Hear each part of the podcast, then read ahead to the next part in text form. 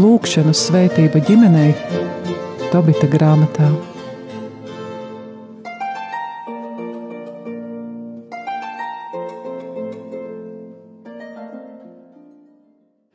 Slavēts Jēzus Kristus. Mūžīgi mūžos slavēts. Studijā Stela un Anģela. Kā šoreiz ir tāds rets gadījums, ka kādu iepriekšējā sezonā iesāktu grāmatu turpināsim pētīt arī šajā jaunajā sezonā. Nedaudz varam atcerēties, tā bija Tobita grāmata, skaista, interesanta grāmata – par laulību un ģimeni vecajā derībā, bet pirmām kārtām mēs redzējām to, ka arī par šiem cilvēka dzīves notikumiem, kā viņš atrod savu nākamo laulāto, kā tas viss notiek, tomēr pāri ir šis dieva griba un tas, kā viņš vada. Jo šo stāstu kas tā pēc vēsturiskā konteksta un kā viņš tur ir rakstīts, varētu būt noticis ap 8. gadsimtu pirms Kristus Ninivē.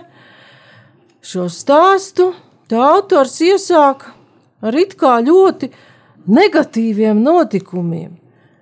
Taisnīgais vīrs Tobits labus darbus darīdams zaudē redzi.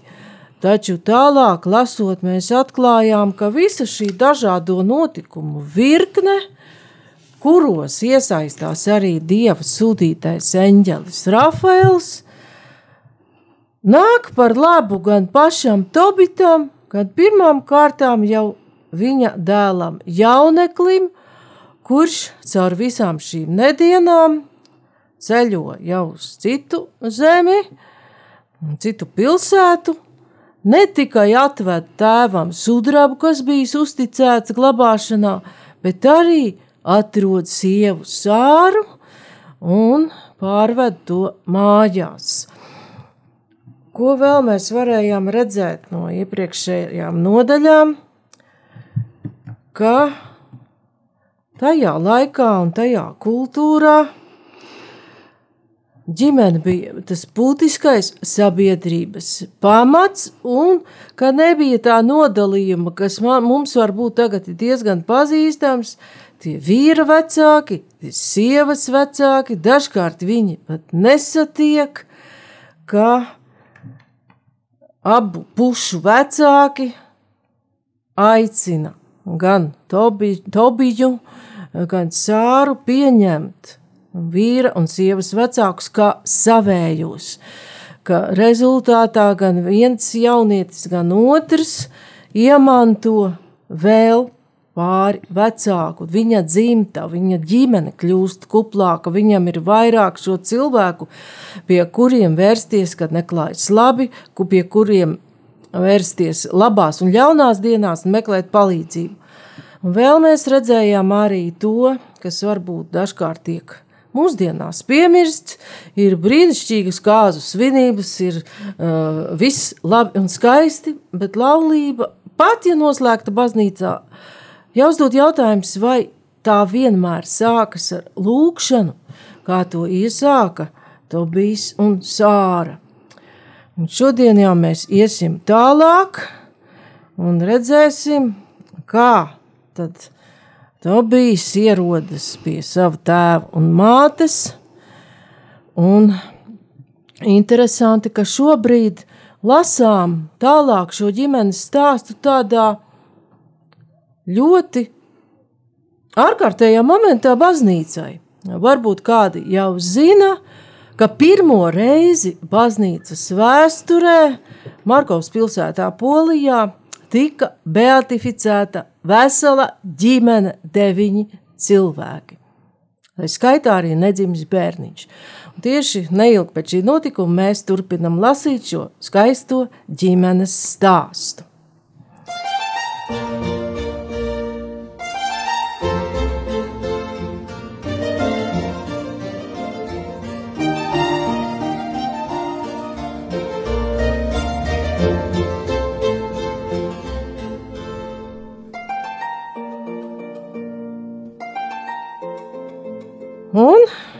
Redzam, ka Tobijs ar Rafaelu abi ar eņģeli ierodas pilsētā pirms sāras un notiek šī redzes dziedināšana. Un jau iepriekš nu, Tobijs devās ceļā ātrāk, jo viņš uztraucās, ka tēvs viņu gaida, un jau iepriekš lasījām, ka māte uztraucās vai redzēs savu dēlu dzīvu. Un Rafaels ir tas, kas atgādina, tu zini, kā mēs atstājām tavu tēvu.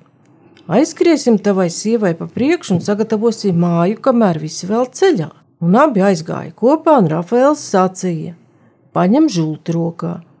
Aiz Rafaela un Tobija kopā ar viņiem nāca suns. Un to suni mēs satikām arī Tobija grāmatas sākumā. Un jau toreiz runājām, ka kaut gan ebreju tradīcijā Tas suns it kā skaitījās ne īpaši labs dzīvnieks, bet tajā apvidū, nu, kur dzīvoja šī ģimene, suns bija normāls mājdzīvnieks. Nu, suns viņus pavada ceļā, un suns arī sagaida. Tā tad jau līdz mājām vairs nebija pārāk tālu.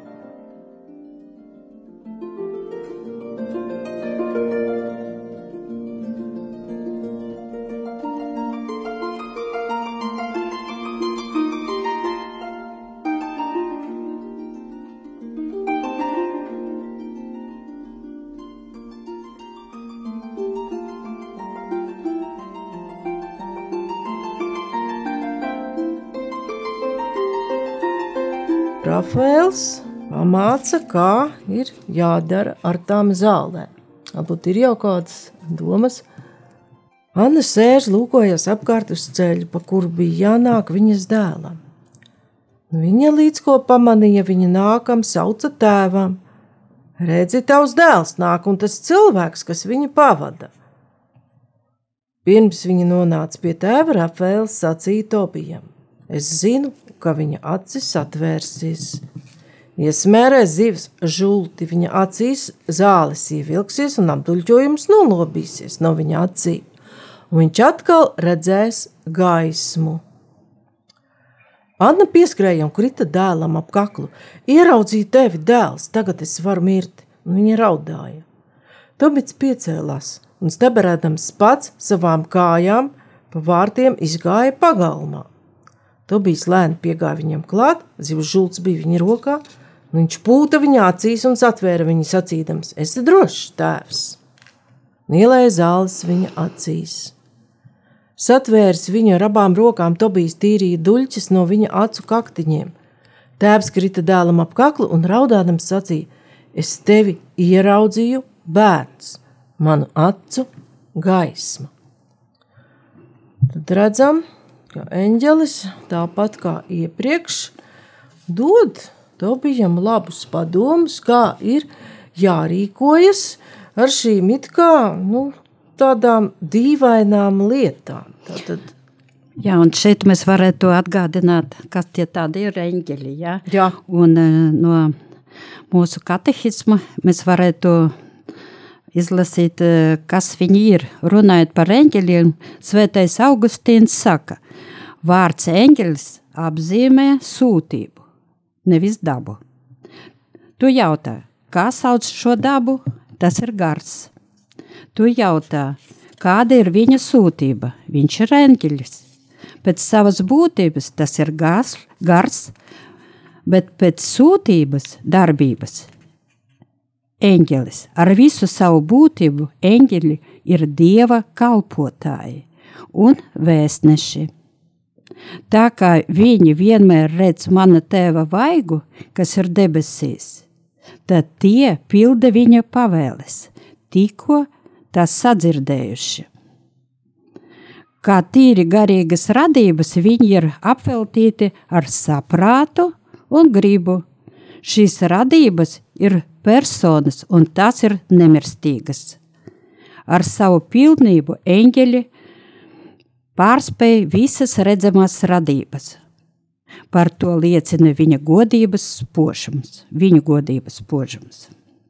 Un tāpēc mēs arī varam saprast, ka pats kungs sūta jā, Rafaelu. Jā, jā, un arī iepriekš mēs lasījām to, ka Rafaels jau pats to neizdomāja.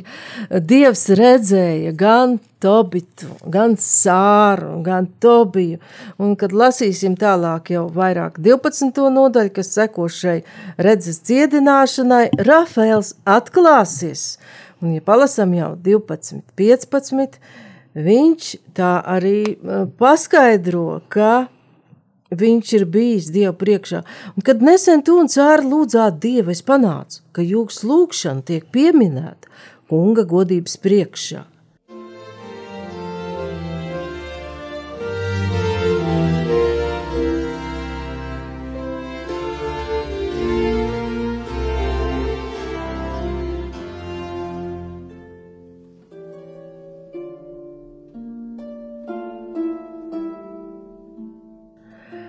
Tātad arī eņģelis ir redzējis, un Dievs ir redzējis, ka Tobits ir apglabājis mirušos un devies aprakāt mirušo, un viņš tātad ādlāk eņģelis atzīst un runā par kungu, viņš mani sūtīja tevi pārbaudīt.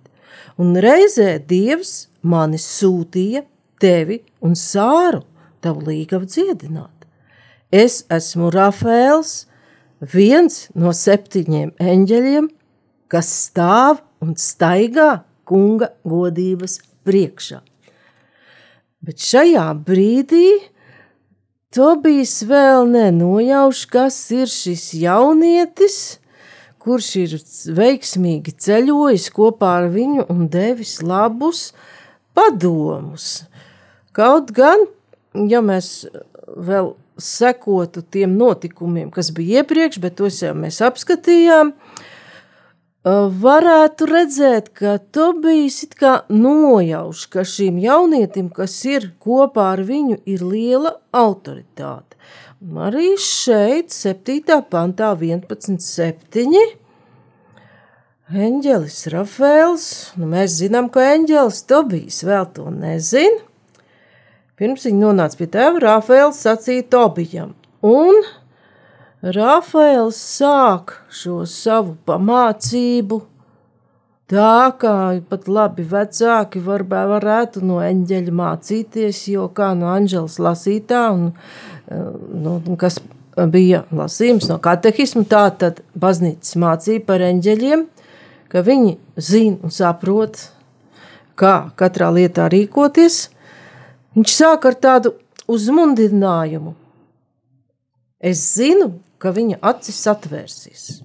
Es zinu, tā tad viņš ar savu eņģeļa saprātu jau zināja, kāds būs rezultāts. Un tālāk jau dod tādu loģisku darbības paskaidrojumu. Iesmērē zivs žulti, zāles ievilksies, apduļķojums nolobīsies no viņa acīm un viņš atkal redzēs gaismu. Un iepriekš mēs sapratām, ka Tobita nelaime turatiem putna mēsliem acīs sākās ar to, ka tur pārvilkās acīm tāda kā plēve. Neviens īsti nezināja, kā to dziedināt, bet tajā žultī, nu žults ir arī kodīga, žultī esošās kodīgās vēles, vielas to plēvi iznīcina. Un Tobits atkal var redzēt. Un tajā laikā šādas lietas un dzīvnieku zivju, putnu, dažādus orgānus medicīnā izmantoja. Un tie dažkārt varēja arī reāli darboties. Nu, un eņģelis saka, atkal, at, viņš atkal redzēs gaismu. Nu, viņš tiešām ierauga, pirmais, ko viņš ierauga, jau savu dēliņu, ka tas ir atgriezies. Un tālāk mēs arī varam lasīt no Mateja Vangēlī 25. nodaļas 31. panta, kad cilvēka dēls atnāks savā diženumā un kopā ar viņu visi eņģeļi. Tātad Kristum kalpo visi eņģeļi. Un šeit mēs arī varam lasīt Marka evangēlijā, desmitajā pantā, desmitajā nodaļā par aklā Bartimēja dziedināšanu. Jā, jo jaunajā derībā mēs redzam diezgan daudz šos dziedināšanas gadījumus. Tieši tā. Un tie nonāca Jērikā, Kad viņš ar saviem mācekļiem un lielu ļaužu pūli gāja prom no Jērikas ceļā malā, sēdēja kāds akls ubaks, Timē dēls Bartimejs. Izdzirdis, ka tas ir Jēzus no Nacaretes, viņš sāka kliegt un sauca: Jēzu, Dāvida dēls, apžēlojies par mani! Un daudzi to apsauca, lai viņš apklustu, bet viņš kliedzējot skaļāk: Dāvida dēls, apžēlojies par mani! Jēzus apstājies sacīja: Sauciet viņu šurp, un tie aicināja aklo tam sacīdami: Esi drošs, celies, viņš tevi sauc! Un savus svārkus nometis, viņš pielēca kājās un nāca pie Jēzus. Un Jēzus viņam jautāja, ko tu gribi, lai es tev daru? Aklais sacīja, rabuni, kaut es varētu redzēt. Jēzus viņam sacīja, ej, tava ticība tevi ir dziedinājusi. Un tūlīt viņš kļuva redzīgs un sekoja Jēzum ceļā. Paldies! Tā šeit mēs redzam, ka viņš kļūst redzīgs un seko Jēzum ceļā.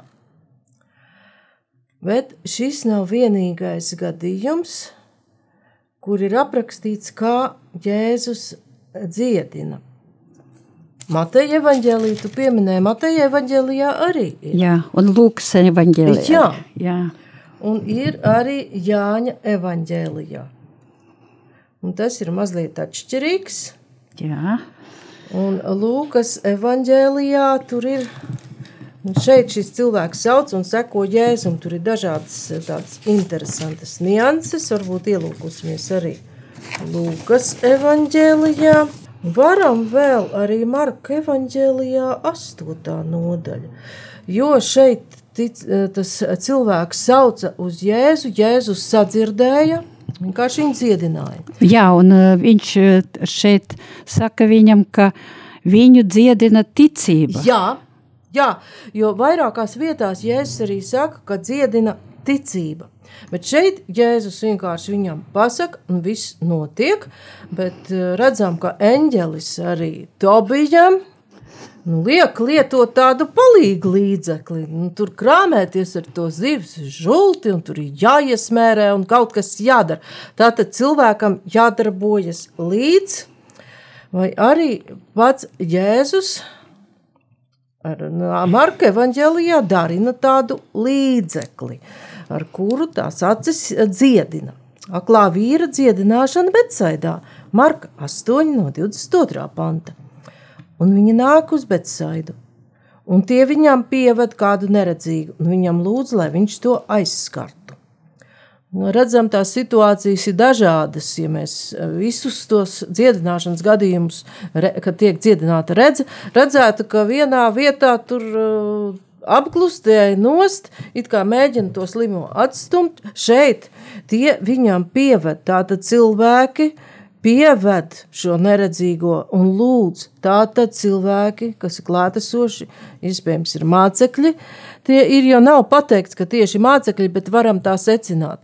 Tātad cilvēki aizlūdz pie kunga, lai viņš dziedina lūgšanu par kādu citu un viņš neredzīgo pie rokas ņēmis, to izveda ārā no ciema un spļāva viņa acīs, uzlika tām rokas un tam jautāja, vai tu ko redzi? Un acis pacēlis, tas sacīja, es redzu cilvēkus, kokiem līdzīgus staigājam.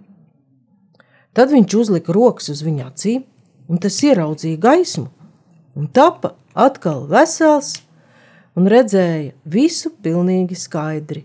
Un viņš to māja, sūtīja mājās, sacīdams, nē, ciemā.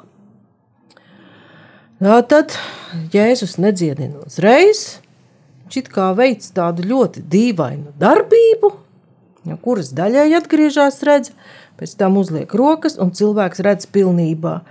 Bet pirms dziedināt, kungs izved šo cilvēku ārā no tā ciema. Varbūt pat nu, attālina no tās parastās, pierastās, laicīgās pasaules. Varētu teikt, izved ārā arī no grēka. Mēs to varam saprast arī tā, pie kura cilvēks jau ir pieradis, atdod redzi un sūtīja mājās, sacīdams, nē, ciemā.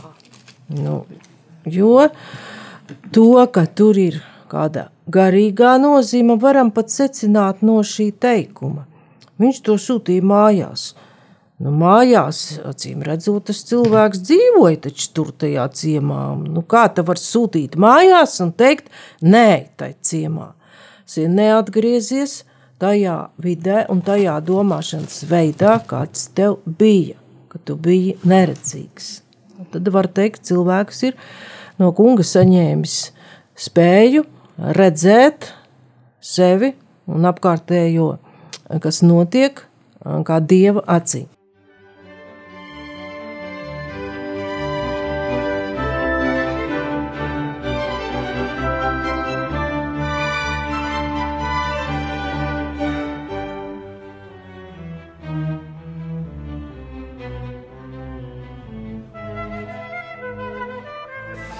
Jā, ļoti interesanti vēl izlasīt, laikam, šodien um, radīšanas grāmatas trešo nodaļu. Ja?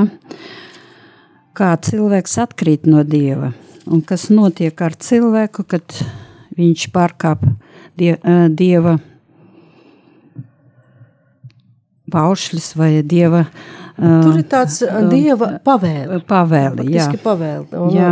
Attiec tikai bet, bet, bet principā tas jau vienmēr būs arī par to, ka, kad cilvēks vienkārši nepaklausa dieva, dievam. Jā, daudzās lietās. Un arī, arī tas būt, notiks bet... arī tad, kad mēs nevaram pildīt dieva baušļus. Bet čūska bija vismanīgāka no visiem lauka zvēriem kurus kungs Dievs bija taisījis. Un viņa teica sievai, vai tiešām Dievs sacīja, no visiem dārza kokiem jūs nevarat ēst? Sieva teica čūskai, mēs varam ēst no visiem dārza augļiem. Bet par tā koka augļiem, kas dārza vidū, Dievs sacīja, nēdiet no tā un neaiztieciet to, citādi mirsiet. Bet čūska teica sievai, Mirt jūs nemirsiet, jo Dievs zina, ka tai dienā, kad jūs no tā ēdīsiet, jūsu acis atvērsies, un jūs būsiet kā Dievs. Zināsiet, kas labs un kas ļauns. Un sieva redzēja, ka tas koks ir labs, lai ēstu, ka tīkams acīm un kārojams prātam un viņa ņēma tautu augli un ēda, un deva arī savam vīram, kas bija kopā ar viņu, un viņš ēda, un abiem atdarījās acis. Un nu viņa zināja, ka ir kaili, un viņa sašuva vīķu lapas un uztaisīja sev gurnautus un dienas vēsumā viņa dzirdēja, ka dārzā skan kunga dieva balss, un cilvēks un sieva paslēpās no kunga dieva dārzā starp kokiem, un kungs dievs sauca cilvēku un teica viņam, kur tu esi, un tas teica, es dzirdēju dārzā tavu balsi un nobijos, jo esmu kails un esmu paslēpos, un es paslēpos. Paldies! Un kā redzam, šeit arī ir vārds, kas attiecas uz redzēšanu. Un tur viņa redzēja, sieviete redzēja, ka tīkams acīm un tīkams prātam. Tā tad viņa uztvēra vizuāli, aizmirstot to lietas būtību, ka Dievs pateica, neaiztiec. Un vēl interesanti, ka čūska sola, ja? Jā, jo Dievs, Dievs zina, ka tai diena, kad jūs no tā ēdīsiet, jūsu acis atvērsies. Ja? Tā kā viņa daļēji pateica taisnību, kas ir tāds ļaunā garam ļoti raksturīgs paņēmiens. Bet jūs būsiet kā dievs. Jā, un tie ir meli. Tie jau ir meli. Tā kā viņš tur sagroza ļoti veikli. Un var teikt, kā ļoti labs politiķis un parlaments spīkers, viņš sagroza pirmajiem cilvēkiem, un tieši viņš pie sievietes ķerās. Uh, klāt, kad vai tad tiešām Dievs ir teicis, nēdiet ne no viena koka. Nu, nēdiet ne no viena. Sagrozīt vārdu kārtību un dažu vārdu, daži vārdi pateikti savādāk. Vai Dievs bija teicis, nēdiet no tā viena, vai, Sātans saka, nēdiet ne no viena, un viņš tā ievelk sarunā. Jūs acis atvērsies, nu, un ja jau tas vārds ir tik vilinošs, ko tas čūskulēns tur saka. Nu, viņa sāk skatīties, pētīt tos augļus, un viņai no ārpuses liekas smuki, labi. Un caur vizuālo viņa uztver jau ar prātu, ka viņas prātam arī liekas smuki un labi. Tāpat arī mūsdienu cilvēkam bieži tādas lietas, kas dziļākajā būtībā, ko redz tieši Dievs, liekas labas un skaistas, ar acīm, ar prātu, bet viņš ne, neņem vērā šo Dieva pavēli. Nu, piemēram, kad Dievs saka, nekārojiet pēc mantas, ja mēs atcerēsimies, ko kodas un rūsa, ēd un zagļi, rok un zog. Mūsdienās, kad tev ir daudz mantas, tas taču ir skaisti. Tev ir milzīga, skaista māja, tev ir skaista, mirdzoša mašīna. Tev viss ir no acīm it kā skaisti. Un cilvēks atver tagad jau elektroniski savu ļoti lielo bankas kontu. Skaisti, un viņa prāts saka, ir skaisti un labi. Un tā kā bagātajam muļķim, viņam tas prāts saka, ka tu esi nodrošināts līdz mūža galam, te viss ir kārtībā. Bet viņš ir aizmirsis šo dievu aicinājumu tam nepieķerties, un gnerti gadās, ka viņš atklāja pēc tam ierauga, ka tik tiešām ir palicis gan fiziskā, gan garīgā nozīmē gailis. Un arī šeit varētu izlasīt arī no no, no, no piektās mūsu grāmatas, atkārtot likuma grāmatas, eh, no 15. nodaļa, 15. 30. nodaļas, 15. panta redze. Kungs Dievs saka, šodien es tavā priekšā esmu nolicis dzīvību un labo, nāvi un ļaunu. Un to es tev šodien esmu pavēlējis - mīlēt kungu savu dievu, staigāt viņa ceļos un turēt viņa baušļus, līkumus un tiesas. Tad tu dzīvosi un vairosies, un kungs tavs dievs tevi svētīs tajā zemē, kuru tu ej iemantot. Paldies! kā arī tur šie vecās derības vārdi apstiprina to, ka uzticība kungam vienmēr nāk par labu. Bet šodien jau raidījuma laiks iztek. Nākamajā reizē mēs vēl nedaudz iedziļināsimies šajos redzes, fiziskajos un garīgajos aspektos, bet jau iesim tālāk uz 12. nodaļu, kur eņģēlis Rafaels atgādinās tieši šīs senās jau rakstos vecajā derībā izteiktās patiesības, par kurām nu pat runājām. Bet šodien paldies par uzmanību. Studijā bija Anžela un Stela. Visu labu!